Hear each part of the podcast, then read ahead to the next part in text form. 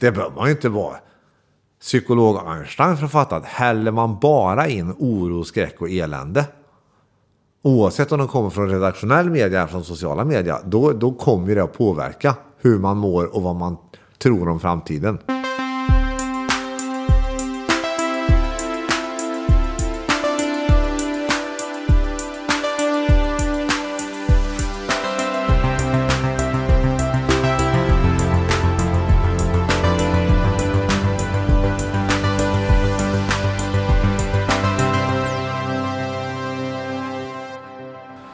Hej, god jul. God jul. Pung.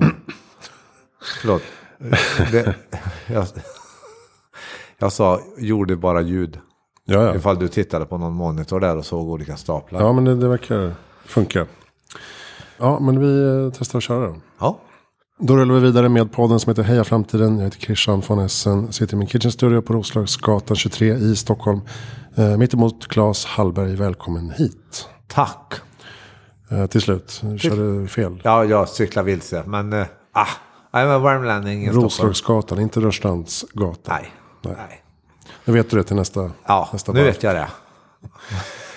Ja, jag kontaktade dig för att du börjar eh, bli eh, aktuell med lite nya teman i min bok i alla fall. Med framtidsoptimism och eh, lite nyhetskritik. Och även eh, lyfta alternativa positiva nyheter i Nyhetsmorgon. Ja, Bland annat. Precis. Med kul nytt jobb du har fått. ja. Det tycker jag. Jättekul. Nytt jobb. Men vi ska backa lite. Du eh, har ju framförallt jobbat som föreläsare. Eh, där två och ett halvt decennium eller vad det är. Ja. Varför rullade du in på den banan? Hur kommer det sig från början? Oj, ja det är ju egentligen ett jättelångt svar. Men för att göra någorlunda kort så kan man säga så här. Jag läste ekonomi på universitetet i Karlstad. Och, som då var högskola, en helt annan grej. Och efter att jag hade gjort det i två år och sen varit kårordförande i ett år på heltid. Så upplevde jag väldigt tydligt att de här studierna var inte, jag tyckte inte det var värdeskapande helt enkelt. Eh, och, Och, och jag var också väldigt så här undrande. Hur kommer det sig att jag har gått i skolan nu då i vet, 9 plus 3 plus 2 år. Och jag har aldrig fått lära mig hur man lär sig. Va, det är inte det märkligt resursanvändning så? Va? Det är otroligt konstigt. Eh, Det är konstigt ja. ja så, så jag... Vi hyrde ett hus i skogen, jag och två kompisar, och satte oss och funderade lite på A. Vad ska vi göra med livet? B. Hur kan vi lära oss att lära oss så att när vi går tillbaka till studierna så är vi effektivare? Så då eh, ledde det till att jag började läsa böcker om pedagogik och inlärning. Och så småningom lansade jag mitt bankkonto, åkte till USA och träffade olika hjärnforskare, experter på inlärning och sådär. Och ytterligare så småningom efter lite uh, olika vändningar så åkte jag dit och var där ett år och besökte, åkte runt och lärde mig allt jag kunde med då resultatet att jag kom hem och började föreläsa om inlärning. Och så. Så gick det till. Och sen när jag hade föreläst i ett par år om inlärning på olika sätt. Då märkte jag två saker. Sak nummer ett, det här med att lära sig nya saker ute i arbetslivet är inte själva problemet. Utan problemet är att folk inte gör något med, med det de redan kan. Det vill säga, istället för att vara värdeskapande med de kunskaper och kompetenser som en individ har, så tenderar individen att då gå en kurs till. Och det där tyckte jag var superkonstigt. Så att jag började liksom försöka motivera folk att gör något så. Gå inte på kurs jämt. Det var det ena. Och det andra var att jag märkte att jag hade någon form av naturlig fallenhet för humor på scen. Då, så att det, det blev väldigt roligt. Jag tänkte fråga det. Började du med humor redan då? Ja, det var så från början. Jag, jag tror att rent humormässigt är jag så att säga autodidakt då. Det var roligt. Oj vad folk skrattade. Och jag, jag kommer ihåg att väldigt många gånger så förstod inte jag vad det roliga var. Utan jag tänkte på oj vad de skrattar. Och det är också så än idag. Jag umgås en del med till exempel David Batra. Och han har ju hela sin karriär alltid skrivit skämt. Det är, han, det är så allt, vi, har, vi, i- vi har känt varandra i 20 år. Och eh, han har alltid pratat om att nu håller jag på att skriva skämt för det här. Och jag har aldrig skrivit ett enda skämt. Utan det har liksom kommit. Så. Men i alla fall, så, så humorn kommer redan då och så blev det en liten glidning från inlärning till eh, bara få tummen ur eh, kommunikation. Så kan man säga. Jag kommer inte ihåg, när jag kom i kontakt med dig var nog den här boken som heter Hångla Mera. Okej, kanske. ja, just det. Eh, Och du gjorde en föreställning på Gröna Lund tror jag. Ja, ja och Vasateatern var jag på länge med den showen innan den stängde. Okej. På Vasagatan. Ja, men sen var jag på Gröna Lund också. Jag kommer inte ihåg vilken, vilken tidning jag jobbade med. Men jag fick boken och så skulle vi, jag och min fru blev inbjudna till att se. det. Ah, okej. Vi tog med oss en, en fras faktiskt från Jaha. den showen. Kan du gissa vad det är? Ö, ö, ö, ö, ö. Nej, det är omöjligt. Ja, det, om det var den på Gröna Lund, då, Mm. då var det ho-ho, tänker jag. Jaha, nej, ja, det skulle man kunna tänka sig faktiskt. Eh, nej, det var när, du, när det visar sig att man är 30 plus och har en uh, fläskfilé runt, runt midjan. Ja, Så, och då säger den ringen, ska vara här nu. det kommer du ihåg. Det har jag inget minne av att jag pratade Så om. den, Det- den, den sägningen har vi med oss. Jag ska vara här nu. Ska vara här nu. På, på, på klingande värmländska Ja, exakt. Precis. Det kan man använda i olika Christian situationer. skrattar här nu kan ni veta. Eh, Det kan man använda i olika situationer. Det ska vara här nu. Ja, det kan man. Det förstår jag. Mm. Kul att jag har varit med och bidragit med en liten Ja, mening i ditt liv. Nugget. Ja. Därför vill jag ta hit dig Ja. som en eh, hommage. Jä- Jättebra.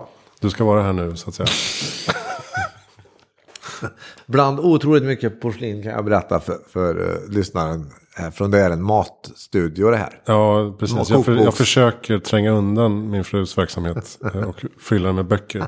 Och sen när hon, när hon kommer så tar jag bort dem för att hon blir så jävla Det är jättemycket uh, porslin och sen så är det också nu ser man hur böckerna smyger sig in underifrån och överifrån. Det är kul, härligt. Och du ställer dit böcker men du är inte där än att du säger ska vara här nu. Jag ska fan börja göra det. Så att vi undviker konflikter. Ja, naturligtvis. Andemeningen i den boken och föreställningen var väl egentligen um, njut av livet, ta vara på det du har, var tacksam, ta inte allt på så jävla stort allvar. Ja, och det kan man väl säga. Mm. Och, och, och alltså metaforen med hångel var ju den att det kan bli opraktiskt och svettigt när man hånglar. Och därför ten- tenderar folk att småpussas och, och liksom ha kontroll på situationen och säga vad fin du är och ska vi ta en promenad va? Och då var ju min, min som livsmetafor att man måste, livet är opraktiskt och svettigt och man vet inte vart det tar vägen och tänderna kan slå i och det kan bli pinsamt. Så. Man kan ha dålig andedräkt men Kan man dålig kan hångla ändå. Ja, exakt. Inte så. Och Noga. Ja, nej. You have to hångel, it's the truth. As we say in Värmland. Precis. Och, och sen så läste jag en annan bok som heter I kundens skor. Oj, ja. Kanske. Just det. Eh, Den var lite mer gnällig. Eller mer sådär eh, konsumtionskritisk och företagskritisk. Ja, just det. Dåliga kundtjänster. Ja, ja. Och, och det, är ju, det är ju liksom min första, den boken är den, den senaste boken som jag har skrivit ihop med en livslevande professor. Som har jättehög panna och scarf. Eh, men som ändå är människa, vill jag vara tydlig Men i alla fall. Roligt när sånt som inte är roligt egentligen ändå. Nu skrattar Christian igen. Det tycker jag är viktigt för lyssnaren att veta. Men. Oh, Och klippa bort. eh, får klippa bort. Nej, inte Nej, klippa bort. Nej, nej, nej, nej. Jag bara, jag bara nej. jo, det jag skulle säga, det är ju min första egentligen då normala titel och lite så här businessbokartade bok det. Ja, Så är det. Annars har de ju tenderat att heta då Hångla mer och Hedra mysteriet och Varför växer gräset och vad det kan vara. Ja, just det.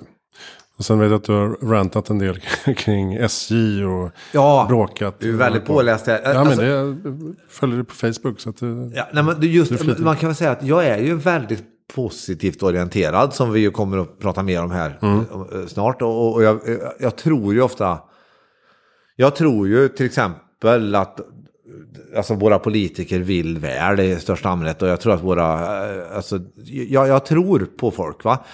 Och eftersom jag åker väldigt mycket tåg och vill åka väldigt mycket tåg och inte åka bil framförallt. Och jag vill helst inte flyga heller men eh, så är jag mycket frustrerad över att det inte riktigt fungerar. Själva tågåkandet och då är det ju både SJ och Trafikverket som jag är ganska grinig på. Det, det får man ju erkänna. Jag tycker så här, det är viktigt inför här också när jag nu ska prata om att, att vi ska uh, se det som är positivt och, och, våga tro på framtiden som ju hela podden här verkar handla om i princip. Va? Då innebär det ju inte att, att vi ska vara, liksom bara rycka på axlarna och vända bort uh, blicken på sånt som inte fungerar. Utan vi ska ju naturligtvis gå all in på att göra saker bättre. Det är klart mm. va. Men, men då, då har det varit så just på min Facebook att det har blivit väldigt mycket engagemang kring mina tågresor. Och en del sådana historier har ju också varit väldigt... Så här, men händer det här? Liksom? Och det har ju gjort att jag har också lagt ut kanske lite mer oproportionellt mycket SJ-grejer. Men det fick ju faktiskt också konsekvensen att jag blev inbjuden till SJ. Mm. Så att jag har ju fått träffa dem. Jag har alltså fått... jag till exempel har ju en... Jag blev inbjuden av SJs punktlighetschef. Oj. Ja, och har ju fått, jag har varit på fram möten med dem. Och jag, så, här, så, så att det, det, har ju också faktiskt gett någonting som har varit, i alla fall, man kan säga då, potentiellt värdeskapande. Ja, verkligen. Sen är ju uppförsbacken lång för SJ och Trafikverket. Mm. Det ska man komma ihåg. Ja, det finns en infrastruktur som haltar. Ja, det går ju inte att trolla inte, med det, det där. Så det är ju jättemånga olika typer av människor som har varit otroligt oansvariga under jättemånga år som gör att det är problem. Mm. Så det, det, går ju inte bara att fixa. Men att bara säga att alla ska åka tåg är inte så enkelt. Nej, det är inte så. Det är Nej. inte så enkelt. Så är det. Hur eh, kom du in i den nya kritiken mot nyhetsdynamiken då? Oh, det här blir svårt att svara på på ett enkelt sätt. Eh, men jag har två svar. Det ena är att det här är egentligen inte nytt för mig. Det har bara gått i vågor. Mm. Så att redan den här showen Hångla mer, som du såg, alltså 2005 hade jag ganska mycket så här att jag stod och, och läste upp löpsedlar på scen mm. och, och pratade om alarmism. Så, och Uh, och, så, så, att det har funnits med mig. Och även har det funnits med mig den här varför-frågan. Va, varför konsumerar folk nyheter? För det är ju lite hög, det är lite hög, alltså man säger, det är hög status. Om, om, man gör en antropologisk undersökning och ställer frågan till tusen människor, tusen män, vad kollar du på? På tv? Då kommer det vara väldigt många som säger dokumentärer och nyheter. Mm. Och väldigt få som säger kockprogram och Paradise Hotel och så. Va? Men mitt intryck har ändå i många, många år, 20-talet år, varit att väldigt många av oss konsumerar nyheter för att distrahera oss från våra egna känslor. Så att istället för att vara i det som vi känner och känna oss, allt vad det nu är från otillräckliga till ensamma till så rynkar vi pannan och kollar på nyheterna och säger gud vad bedrövligt det är på det där stället. Va? Mm. Och det där har varit lite tema. Alltså jag har ju funderat på, vi distraherar oss från oss själva med alla möjliga typer av grejer. Så eh, i just Hångla med-perioden när jag ville inspirera folk att, att, att, leva sina liv och uppleva sina liv väldigt mycket. Då var det ett stort tema. Sen har det gått lite i vågor. Men sen var det nog nu, det som, det som är svar två på frågan då. Det är ju det att, att jag kände här efter sommaren att att det var så här, verkligen en ny, det var liksom, det har levlat på något vis. Va? Mm. Och, och där också kontrasten i mitt eget liv har varit så stor. För jag har verkligen upplevt och upplever nu as we speak här nu, du och jag i Matstudion, studion. Så upplever ju jag att mitt liv består av högkonjunktur. Jag är ute och föreläser som aldrig förr. Jag har för, säger nej hela dagarna. Det är eh, fullt på alla ställen jag kommer till. Det är fullt på tåg, det är fullt på restauranger, det går inte att boka bord. Det är, det ah, vad folk, och folk på konferenser är jätteglada och fikar och är lyckliga över att äta bullar. De var ju blasé förut för några år sedan. Ah, jag kan inte äta den här jävla torskryggen. Och nu är de jätteglada. Kolla, vi får torskrygg. Alltså, det, det Så jag upplever att det är superhögkonjunktur och sen slår jag på nyheterna. Och då är det som att domedagen redan har hänt. Mm. Uh, och det gjorde jag då så att det brann för mig här helt enkelt för någon dryg månad sedan. Så skrev jag ju ändå superlång text så som man inte ska göra på sociala medier. Mm. I alla fall inte enligt communication bureaus oftast. Men, men skrev en jättelång text som ju du uppenbarligen har, också har fångat upp här. Men den, det, det var ju mer att jag jag ruttnade helt enkelt och bara kände nu måste vi bestämma oss för att, att också se att vi har resurser och att det är bra. Så att vi inte gräver en djupare grop än vad det faktiskt är. Och det råkar då passa med att jag har en show nu. Som jag är ute och kör, som man kan köpa biljetter till. Som heter att leva innan man dör. Just det. Uh, och, och, och det innehållet började egentligen som en sån nu kickar vi ut pandemin. Men eftersom det har varit ett, ett, ett levande manus, ett amöba, den här, så, så har det eh, liksom landat i att det är nu väldigt, väldigt mycket det här. Hur förhåller vi oss till att det är alltså, både kris och okris samtidigt? Mm. Det var lite så, den här podden började redan för fem år sedan. Alltså just den här diskrepansen mellan det man läser varje dag och samtidigt som man läser böcker. Att världen aldrig varit bättre, liksom, folk ja. mår bättre, lever längre, vi botar sjukdomar och så vidare. Samtidigt som folk tror att uh, det är dags för kollaps. Ja. Vi pratade mycket om systemkollaps på den tiden. Det var efter flyktingkrisen och flyktingmottagningen och sådär. Podden var egentligen ett slags uh, motreaktion mot det på sätt och vis. Att så här, kan vi hitta spännande människor som faktiskt uh, lyfter det positiva och uh, framsteg och forskning uh, och framtidsoptimism. Och så tänker man att ja, men det är väl några stycken. Men nu har jag gjort 400 avsnitt. Ja, och, um, det är ascoolt. Det blir bara Mer och mer och mer och mer. Jag tiden. tror att det är, du har varit med och, och så att säga, det, det, är en folkrörelse. Det är ju helt klart det, som, som, som du har varit en, en, tydlig del av här under de här åren. Det är jag helt säker på. Ja, kanske. Sen är den fortfarande lågmäld och det är ju fortfarande så att den algoritmiska logiken i olika typer av uh, sociala medier kommer ju under ett tag framöver i alla fall garanterat lyfta fram bombastiska polariserande rubriker och så. Det, som engagerar. Ja, som engage, ja, engagemang kommer jag ha prioriterat. Ja. Och, och, det kommer att vara så att en rubrik som börjar med livet kan se ut på så många olika sätt. Alternativt nu får det fan vara nog. Så det är klart att nu får det fan vara nog kommer jag surfa högre. Det, så kommer det vara. Mm. Och samtidigt så tror jag, jag tror att vi, det här gräsrots, men vi har det ju också bra. Jag tror att det, det påverkar, jag tycker att jag märker det, det måste ju du märka också. Att det ändå är, finns resonans i folk för att också tro på framtiden. Ja, och tro att man kan lösa problem och skapa förändring och ja. gå samman. Små handlingar kan ge stora effekter och så vidare. Liksom, det finns ju hur mycket som helst. Hur mycket bara... som helst. Något som är bekymmersamt för mig, som jag tycker är ett problem och som jag är, verkligen har skakat om min världsbild. Det är den här invasionen av Ukraina. Det, det, det...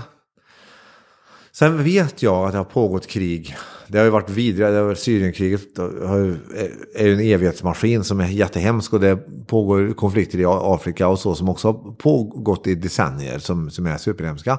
Och det här, jag erkänner att jag fick en rejäl sån uh, smocka i min så här, vardagshandling att allt blir bättre. För nu, det, som jag vet, Kjella Nordström, en föreläsarkollega till mig, han uttryckte det så här, tycker jag ganska träffande, att den globala lekstugan som vi har vant oss vid ett helt liv, den är ju nu stängd för tillfället. Det måste vi ju inse. Va? Mm. Så med det sagt, vi har, det finns ju utmaningar här som, som är genuint problematiska. Och då tänker jag ändå att svinviktigt att lyfta fram också hur resursstarka vi kan vara tillsammans för det vi kan påverka. Men vi kan ju de facto inte påverka Vladimir Putin. Inte du och jag i alla fall just nu. Det får vi ju släppa. Liksom. Nej, Men lite vi... oavsett hur många löpsedlar vi läser eller tidningar vi läser kan vi fortfarande inte påverka. Nej. Sannolikt. Uh, så att det ger inte mig något att läsa ännu en artikel om Nej. Putin i Expressen.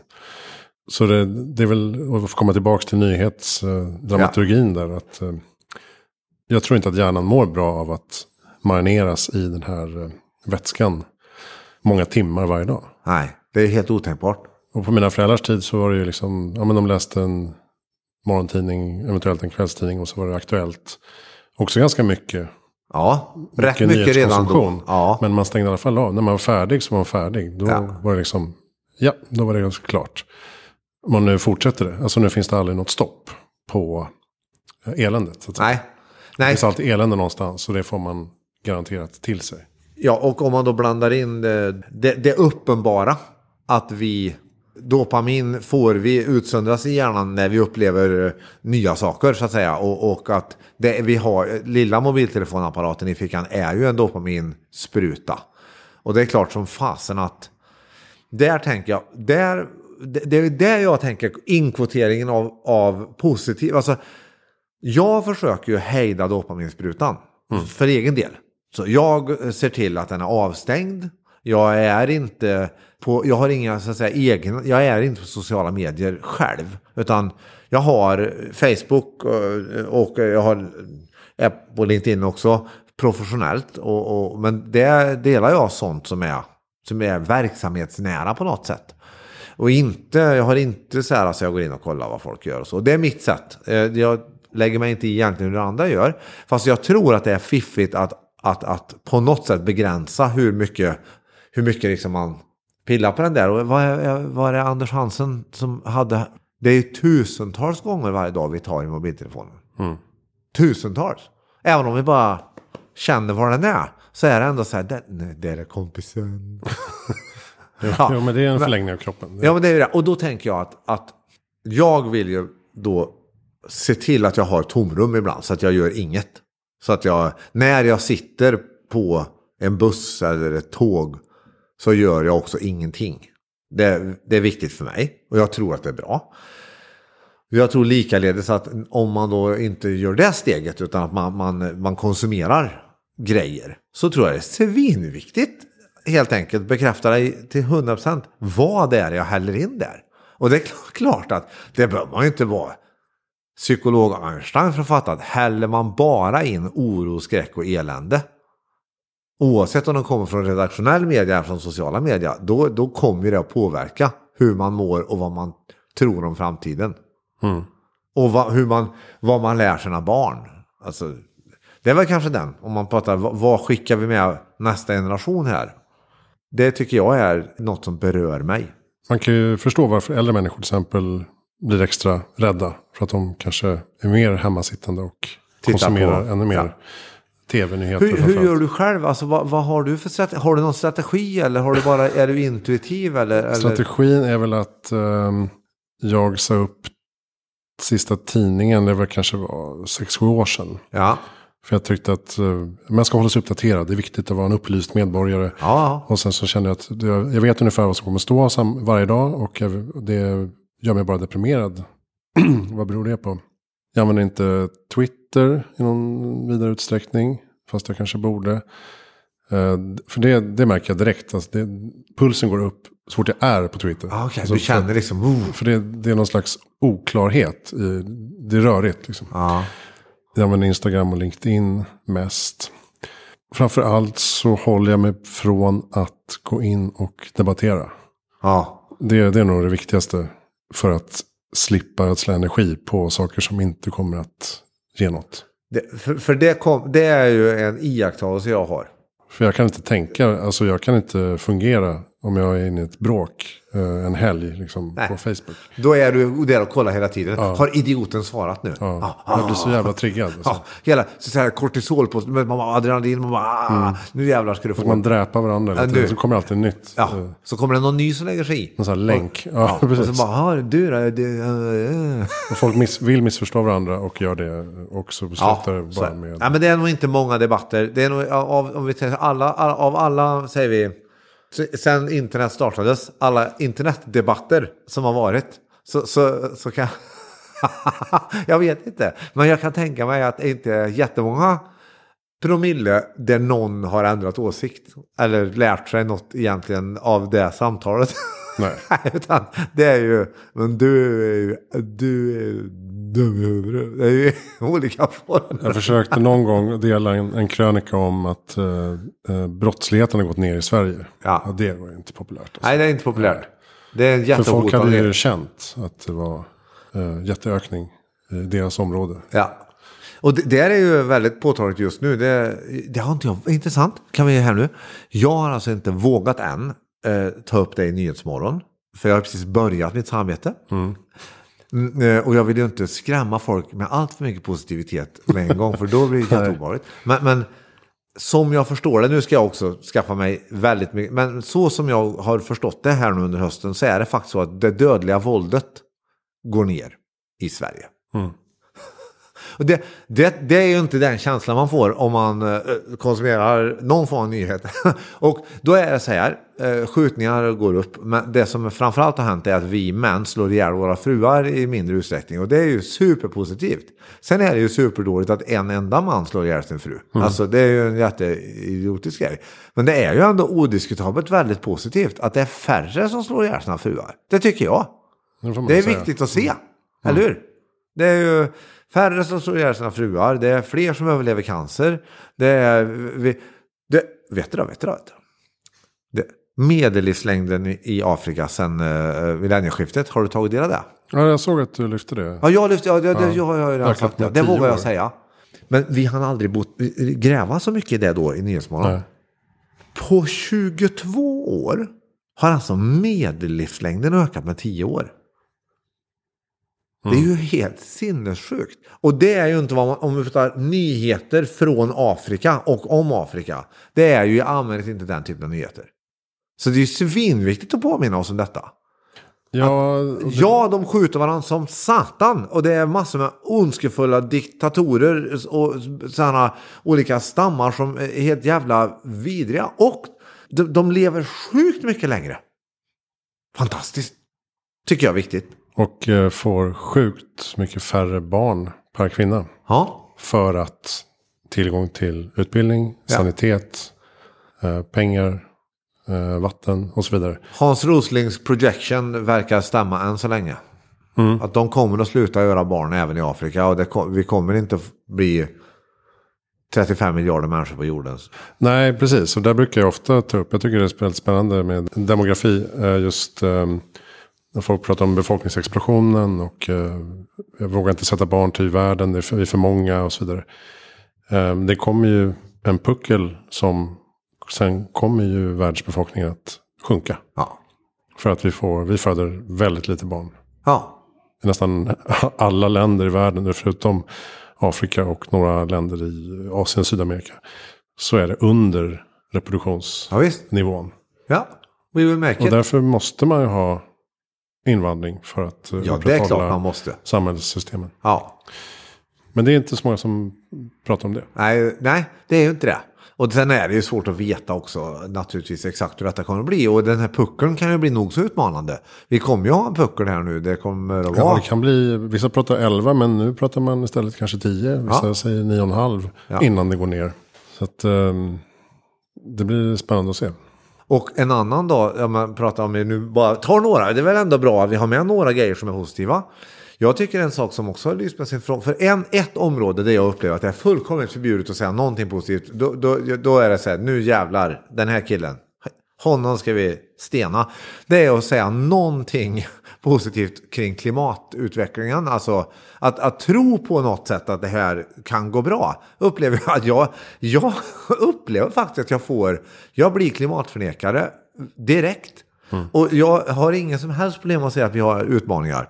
Fast mitt intryck, jag, jag nu för, för, hoppas inte någon ny sådär, Aftonbladet lyssnar på podden och bara slänger upp. Claes Hallberg tror att det kommer lösa sig för då kommer jag att bli, det blir det ju, jag ju stenad va.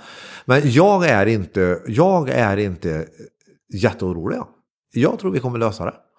Och FNs IPCC har ju till exempel övergett sina de här värsta värsta scenarierna som jag upplever att DN bygger hela sin nyhetsredaktion på. De, det är inte, de är, till och med IPCC har övergett dem. Viktigt att notera att FNs organ tror inte på de värsta scenarierna längre. It's very important, I think. Ja. Sen får vi se, det är mycket kvar att göra. Men, men, men det, det, är, det kommer jag att ta, att vara positiv kring klimatet. Det kommer jag att dröja jättelänge innan jag gör i Nyhetsmorgon. Ja, ja precis. Nej, det, det går ju inte. Nej.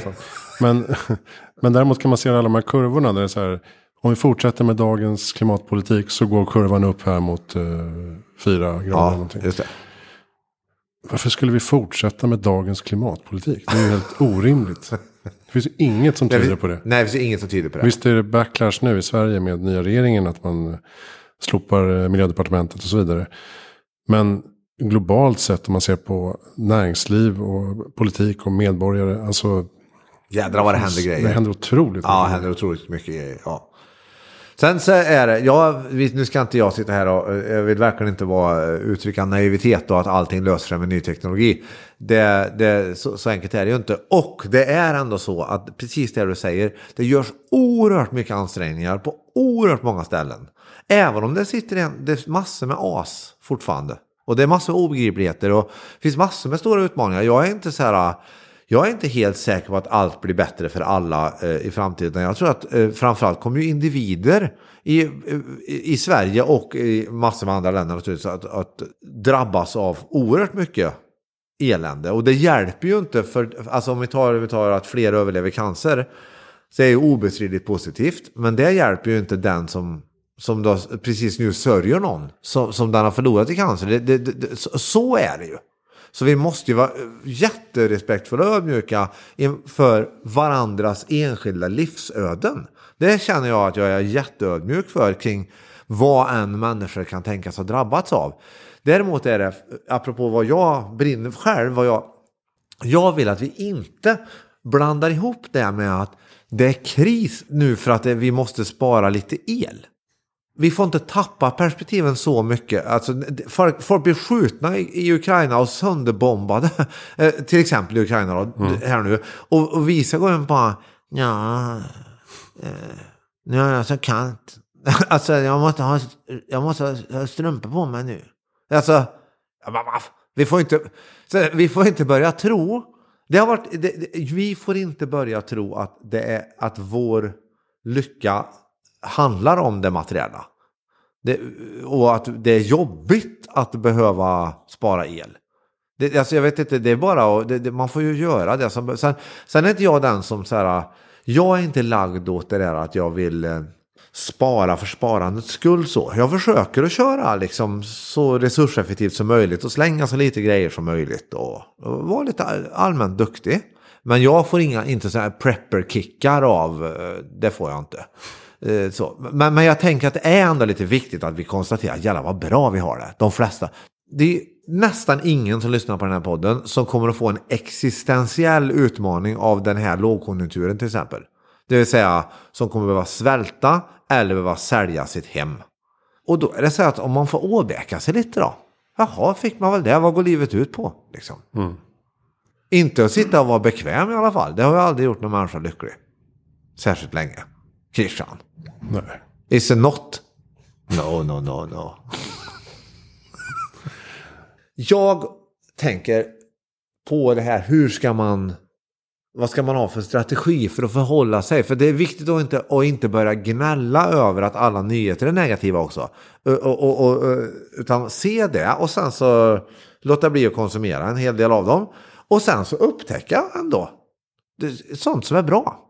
Som mm. man, som, att, det låter ju så himla eh, beskäftigt, men det är ju svinmycket som är bra en vanlig dag. Barnen som är glada och det, man kanske får ligga lite och tyckte det var ju festligt och, och du vet, eh, oj vad gött det här var. Jag vet inte, jag tror det, det någonstans kommer vi tillbaka till det. Att för den egna beslutet att orka och vilja se sånt som är bra. That's where, mm. it, that's where it landars everything I think. Jag brukar alltid motfråga, alltså när gnället blir för mycket. Så ja. brukar jag fråga, men när, när i världshistorien var, var det bättre att leva? Exakt. Vilket år? Och då kommer vi till det här med fläskfilén. För att, mm. för att sen, den dök ju upp igen för mig nu då, efter sommaren igen. Han gjorde det? Ja, ja. Och jag bara, men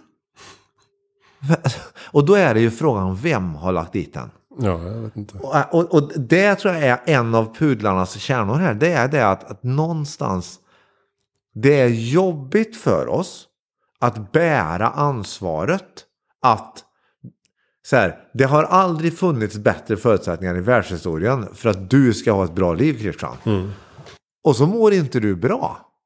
Så. Då är det ju lätt att, att antingen gå in i skam och depression och så. Eller börja producera, men vad fan, det är klart inte jag kan ha det bra med tanke på hur mycket vägarbeten det är i Stockholm. De bara kommer ju inte fram här. För har du pratat med göteborgare de senaste åren? De, de, de, de flesta göteborgare kan inte se något positivt. Häcken var nästan... Och det går ju inte att ta sig ut för Västlänken. och gräver ju upp hela stan. Man kommer inte fram. Du, Ja. det, och, och då tänker jag att... Eh, Kan det vara för att de vill förbättra som de gräver? exakt, för att de vill göra Göteborg till ett Nej, fantastiskt... de bara vill förstöra. Det, vill det förstöra. Nej, men jag tror just... Grilla byggarbetare. Men kan, kan det inte ligga någonting i den frågan, Christian? Alltså att det, kan, att det är jobbigt att bära det här ansvaret för oss. Att vi faktiskt... Det har aldrig funnits bättre förutsättningar i världshistorien för att du och jag ska ha ett bra liv. Någonsin. Inte, kungar och baroner hade inte bättre förutsättningar för hundra år sedan. Och, och, jag är det, ju och det, typ baron. Så att, du är baron, ja du är gammal baron, ja. Farfars farfars far. Hade det egentligen inte lättare än vad du hade fastän alla... jag tror han hade det lättare. Ja, du tror jag hade... Ja. Han har andra problem. Ja. Jo. Finansminister. Men okej. Var han finansminister? Ja, någon av dem. Okej, ja, ja, ja, det, ja, det var nog jobbigt, ser du. Ja, det tror jag. Det- Och så galoscherna. Ja. Jättekrångligt. Slotten är kalla och dragiga. Dragiga och dyrt. Nej, men allvarligt talat. Den här um, existentiella ansvaret då. Mm. Tungt att bära. Ja, Hur ska vi göra? Och också när, när det existentiella ansvaret, ing, man, ingen har haft bättre förutsättningar än vi att ha det bra. Och sen så när man också så här, äh, antingen väljer att drömma om att man har det materiellt bättre och kan projicera på det. Om jag bara hade. Mm. Eller också har det materiellt bättre. Och så upptäcker Det var det var det. tomt där. Det var inte det jag behövde. Ja. Nej. Båda de två är ju svinjobbiga.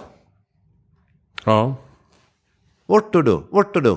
ja, men det där, det där märker jag själv också. Alltså, jag har så otroligt lyxigt liv och eh, otrolig frihet att göra vad jag vill.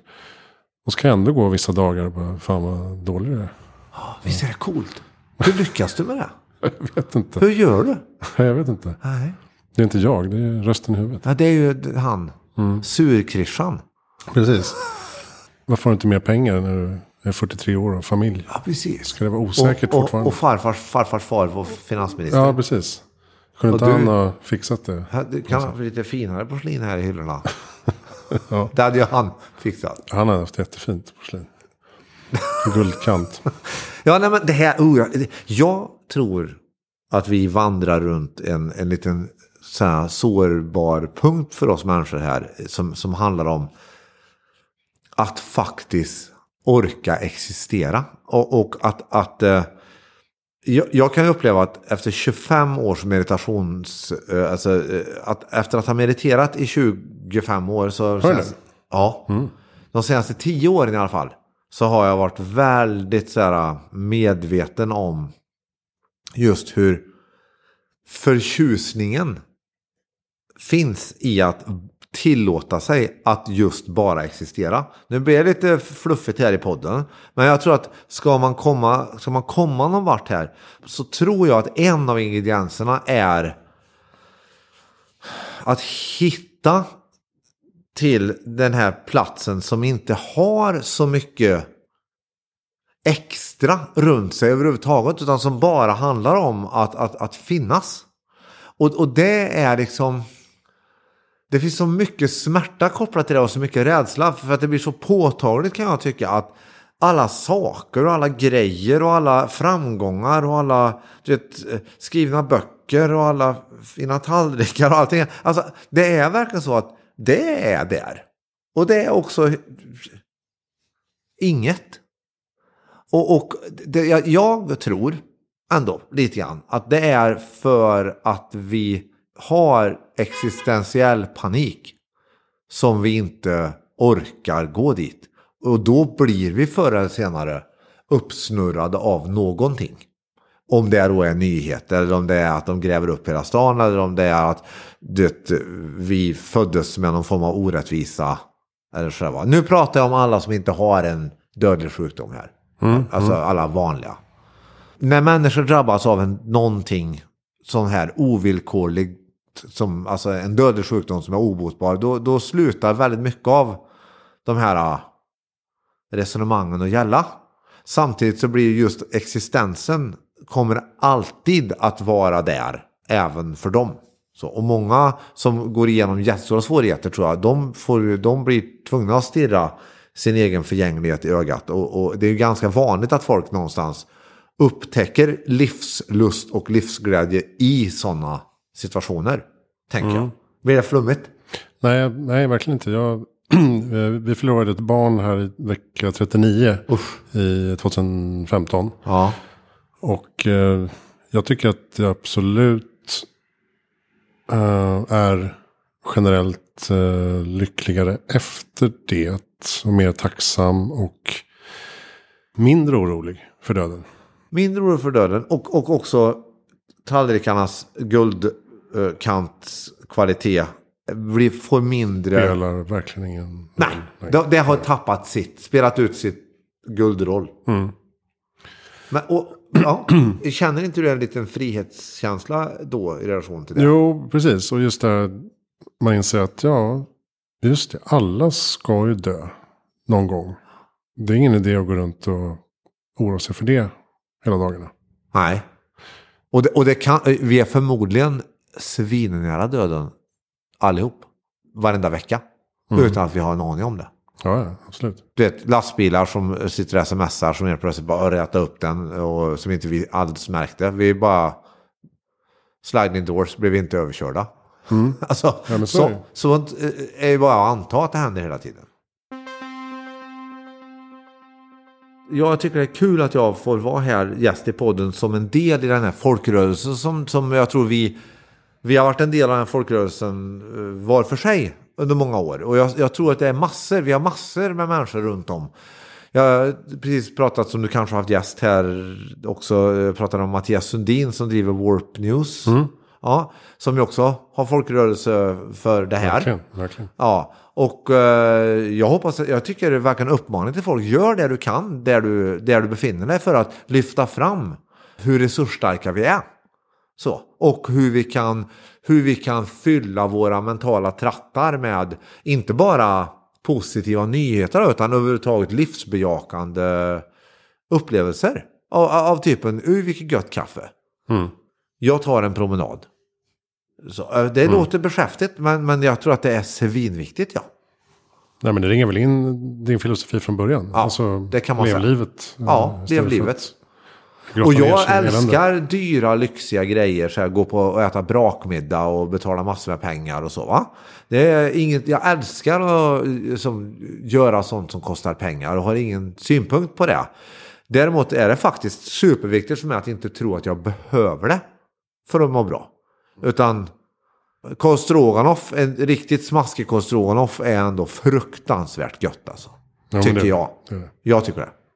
Kör du ris till eller? Jag kör ris till. Har du börjat med alternativa grejer eller? Nej, man kan göra pasta liksom. Men, eh, Ja, men jag tycker inte det är okej. nästan- Jag känner ändå att det, det, det ska götta. Men däremot, det, gäller, det, det, är det risk att det blir för lite sås på min mm. För att jag, den kokar in. För jag gillar att ha grädde i. Och då blir ju fläskfiléproblemet. Jag har faktiskt börjat nu med mer mjölkbaserad. Så att, Jaha. alltså, så att det kan vara Lite lättare. Lite lättare. Lite, och lite, kan man ha mer sås. Jag brukar fråga, vad är ditt bästa tips för att göra världen bättre i framtiden? Ja men det är ju egentligen det jag har pratat om här nu. Det, det är ju, jag, är, eh, jag är övertygad om att fatta beslutet, jag ska se sånt som är bra i min tillvaro. Oavsett om det handlar om att mitt barn lyssnade på mig. Nu. Ja, det, är Det- inte, det är inte alltid det händer. Nej, det är inte varje dag eh, så. Eller om det handlar om att, eh, ja, du vet, allt, små grejer, allt från smått till stort. Och, eh, det lå- ja, ja, jag tror att det är, det för, för och, och det här med att rädda, jag tror också så här, för folk som lyssnar på den här podden så tror jag så här, acceptera att världen klarar sig utan dig. Så kommer du att göra mer nytta för världen. För det, det, det tror jag är li- lite viktigt. För att, tro inte att du behövs för att rädda världen. Det- Förlåt, men jag tror att jag upplever att det finns en fälla i när man vill eh, rädda världen. Alltså om du tar de här klimataktivisterna nu som skapar en jävla massa problem. Jag vet inte om du har noterat att det var ju problem i Berlin. Klimataktivister har ju kedjat fast överallt så att ambulans inte kom fram så någon dog. Ja, okej. Ja, dåligt för den som dog särskilt. Ja, och dens familj. Kanske är värt det. Så, för klimataktivisterna. Men, men eh, det, där tänker jag, när jag blir för övertygad om något, vad det än är, så är det ett risk att jag då ställer till problem för att något är viktigare än. Och det är väldigt vanligt i mitt yrke att jag också ställer till en massa problem för mig själv. Det vill säga, jag tillåter mig inte att njuta till exempel för att något jag är så besjälad av något som jag vill göra någonting åt så att jag, jag kan inte njuta. Och jag tror att vill du göra världen bättre så ska du göra två saker. Du ska A. Förstå att världen inte behöver just dig. Så att allt du gör är en bonus. B. Se det som är positivt. I din vardag. Stort som smått. Och eh, se till att njuta. Ja, ja, det blir konsekvensen. Mm. Alltså, för mig blir det här, den kombon, blir, du kommer njuta. Och då kommer du bli bättre för världen och du kommer bli bättre för dig själv. Och du kommer att uträtta större saker än om, om du är övertygad om att det är så otroligt viktigt. Så chilla liksom. Det här äh, agera och chilla. Det ligger också i att inte ta sig själv på så stort allvar då. Det blir också en konsekvens. Mm. Det, det låter ju lite grovt, världen behöver inte dig. Fast jag tror att det är Nej, för men jag mig... tror jag förstår vad du menar. För må många här i podden säger tvärtom att uh, alla kan göra skillnad och du kan göra, du kan göra världen bättre genom små handlingar och sådär. Men du menar, du menar inte att det är meningslöst? Du menar Nej. bara att... Jag menar mest bara att... att... Ta det i ditt tempo och... Uh... Ja, det, och, och, det blir, för mig blir ju detta konsekvensen. Mm. Att, att jag gör många saker som är bra. Så jag, jag utgår ju från att folk vill väl här. Mm. Jag, alltså, jag utgår ju ifrån att det inte är eh, sadistiska as som vill göra världen sämre. Eller gå ut i krig och eh, invadera länder och grejer. Nej, de brukar inte bli inbjudna. nej, men, nej, men så jag, jag, jag, jag om jag kände ändå nu när jag ändå var här så var det lite viktigt att påpeka den, den här distinktionen som du fångade upp där. Att när någonting blir för, när någonting Saker får vara viktigare än, men om det blir vikt, om övertygelsen om att något är viktigare än blir för blind så är det risk att jag faktiskt åstadkommer en massa dåliga grejer. Både för andra och mig själv. Så, så, ja, så, så då, att, för då slutar man lyssna också. Ja, slutar lyssna och tar inte in och blir, märker inte, oj, titta vad här var härligt, vilket gött kaffe. Liksom. Så it's very important to appreciate det god kaffet. Mm, kanske, kanske lövbärs. Ja, jag har näskaffe. Ja, ja, pulverkaffe. Ja, det är inte okej. Okay. Man... Det är inte okej. Okay. Nej, okay. Men jag, jag njuter. Ja, du ser. Skiter i vad du gör. Ja! um, Fick du något svar på den frågan? Nej, men... Vad, uh, alltså vad, du kan, vad man kan göra för att göra världen bättre? Då, kan omformulera det. Ett egoistiskt as. Eh, ta, att ta sig själv på lagom stort allvar. Och upptäck sånt som är bra i, i sin vardag. Mm. There are two things. Och prenumerera på Warp News. Warp News tror jag är bra att prenumerera på. Och lyssna på podden, och dela podden. Ja, precis. Vi kan även tipsa om eh, boken Skippa nyheterna som jag gav ut här på Heja Framtiden förlag. Eh, Tobias Wahlqvists bok. Eh, undertiteln är Varför jag slutade läsa nyheter och varför du också borde göra det. Och jag såg att du hade den på... Ha? Du skrev att du hade den på köksbordet. Ja, jag hade precis eh, beställt den. Mm, fantastiskt. Eh, och börjat läsa i den. Mm. Men eh, inte läst klart den. Men det, det blir lite grann för mig eh, bekräftelse också. Jag har skummat. Mm. Ja, man tar ju upp, han eh, märkte att han mådde mycket bättre av att detoxa från nyhetsflödet. Och ja. tar upp en del problem med nyhetsdramaturgin som sådan. Och vad är egentligen nyheter? Varför det blir nyheter och så vidare. Ja, massa ja. sånt. Men, ja, men jag tycker den är jättebra. Ja, och, en bra julklappstips till en nyhetsknarkare. Och vi kan, man kan ju i det här sammanhanget, om jag får kasta mig in här, så kan jag ju gott väl faktiskt eh, tipsa om då eh, att just nu kör jag faktiskt min show Att leva innan man dör. Jag har gjort en ganska kul grej. Jag har sparat i garaget några av de löpsedlar som jag 2005 kritiserade. Och så tar jag upp dem igen nu. Och, okay. och jämför lite med de nya. Och konstaterar ingenting har hänt. Nej. Och det blir lite vackert. Eh, och sen så har jag också gjort den optimala löpsedeln. Så det är kul faktiskt. Så att, eh, Hur ser den ut? Men det kan jag inte berätta nu. Nej, okay. Det måste ju vara en cliffhanger. Ja, det får vara cliff. Och, och showen pågår ända till vår? Det, ja, det är under, ja, nu har jag precis släppt vårdatum i Stockholm, Göteborg och Karlstad.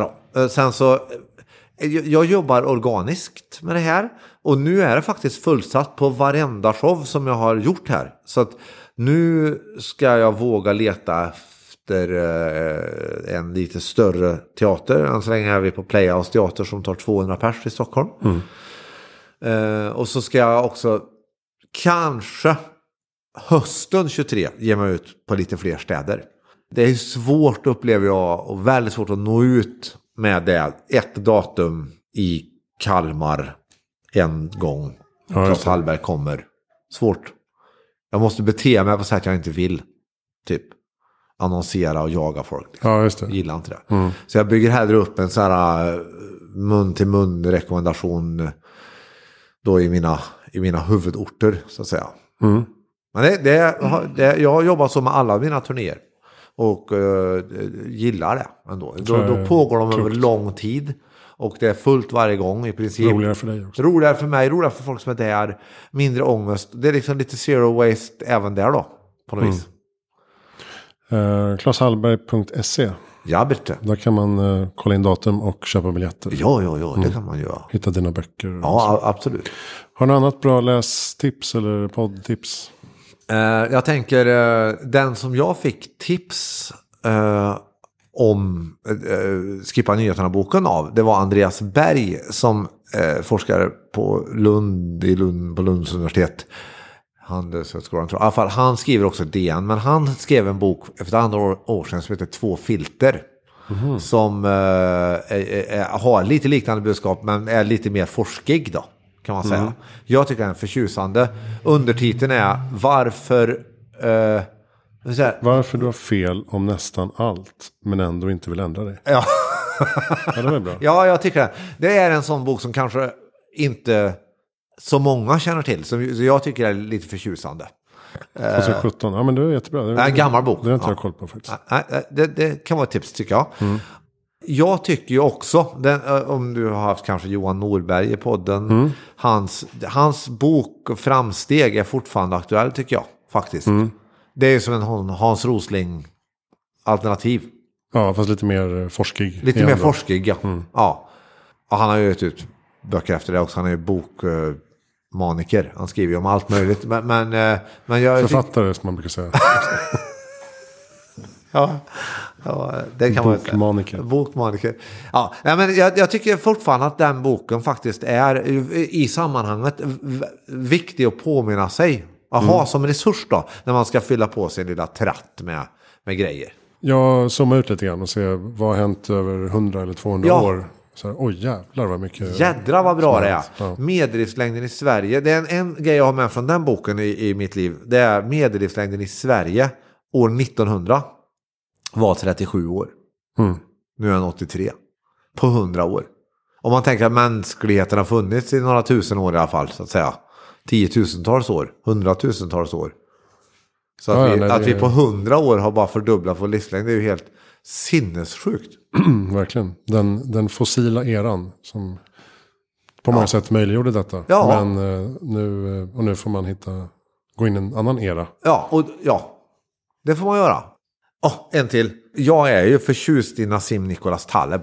Så jag tipsar gärna om honom. Han är svårgenomtränglig. Jag vet inte om du känner till. Ja, absolut. Jag läste Black Swan i alla fall. Black Swan, ja. Och, och, och eh, jag tycker ju hans Fooled by Randomness är, eh, är eh, det, det, det bästa boken. Det, det, det är som sagt lite eh, svår, svårtuggat, men det är... Han är lite gnällig. Ja, han är, han är lite gnällig, men, men han är också lite, lite befriande. Så. Och, och, och vä- väldigt överens med mig om det här med att vi skola icke falla i fällan att vi tror att vi kan ta kontroll på framtiden.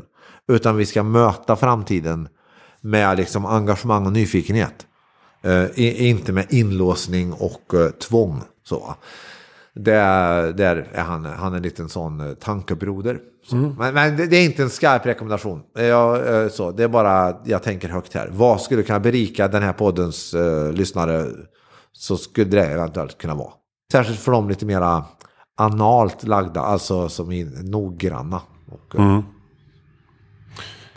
Eh, eh, just det, vem tycker att jag ska intervjua i Heja Framtiden? Oh, oh, oj, oj. Nils van der Poel. Men eh, vem mer tycker jag? Eh, han... eh, Oj, oj, oj. Heja framtiden. Jag har inte så jättemånga. Andreas Berg skulle kunna vara en. Ja. Faktiskt. Han, jag tycker han har mycket reflektioner som är eh, bra. Han har skrivit en bok som heter Två filter. Har jag hört. Dessutom. Ja. men han skulle kunna passa kanske i podden. Mm. Ehm, min fästmö. Mm. Ja, nu Ja. hade vi lite tekniska problem. Minneskortet blev fullt. Det är otroligt. Ja, Det är too many Wormlanders ord. för många ord var det. Eh, Så att vi vet inte exakt när det klippte. Men eh, vi, eh, det är ändå dags att avrunda tror jag. Ja, visst. en timme. Här har vi babblat. Ja. Så det dånar om det. Jättebra.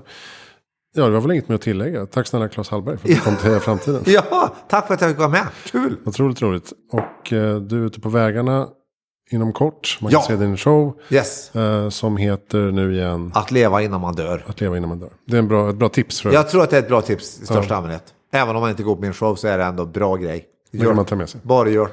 Hångla mera och lev innan du dör. Yes, do it klashallberg.se som sagt. Och eh, vi rullar vidare med andra saker nästa gång. Jag heter Christian von Essen. Hejaframtiden.se. Där är all information om podden och mina projekt. Och för all del kolla in då Skippa nyheterna. Boken som jag gav ut här i somras med Tobias Wahlqvist. Perfekt litet julklappstips till en eh, nyhetsjunkie i din närhet. Det finns även mer information på skippanyheterna.se som Tobias har satt upp. Um, då, då är vi klara här va? Man kan också rekommendera sajten snhk.se som eh, jag har skapat. Den är gratis. Det är det? en metod för att lära sig att förhålla sig till eh, dåliga nyheter. Vad sa du? SN? hk.se. Det är, det är en metod jag har uppfunnit. Som är otroligt bra. Christian knappar nu på datamaskinen. Och det hittar du på, det säger du nu? Ja, men jag kom ju på det nu. Sitt ner, håll käften. Ja. SNHK. Jävligt bra grej. En, en sajt om att sitta ner och hålla käften. Ja. Så finns det en instruktionsfilm hur man gör när man sitter ner och håller käften. Det, det, det är jättebra. Ställ in en påminnelse varje dag, förslagsvis på din telefon, för att påminna dig själv om dagens sitt ner och håll käften. Grymt bra. Och, och det är en hel film där. Men det kan vi inte titta på nu. Men där sitter jag ner och håller käften i 20 minuter. Eh, Ja, det gör det faktiskt. ja. Så det är en bra grej. Kan rekommendera. Om man nu eh, känner sig manad att gå in och eh, debattera till exempel på Facebook. Ja, då kan man istället klicka där. Och sitta ner och hålla vad- Det var käften. någonting jag skulle göra. Det var något jag skulle göra. Ja, just det. Sitta ner och hålla käften. Ja. Det gör jag. Och så behåller jag mitt liv för mig själv istället för att ge bort det i debattisk eh, tjurfrustration. Just det, dräneras på energi. Ja, där har du. Very Bra good tips. Bra tips. Ja. Snhk.se. Yes. Då var vi klara. Eh, tack för att du lyssnade på Heja Framtiden. Vi hörs nästa gång. Hej. Hej!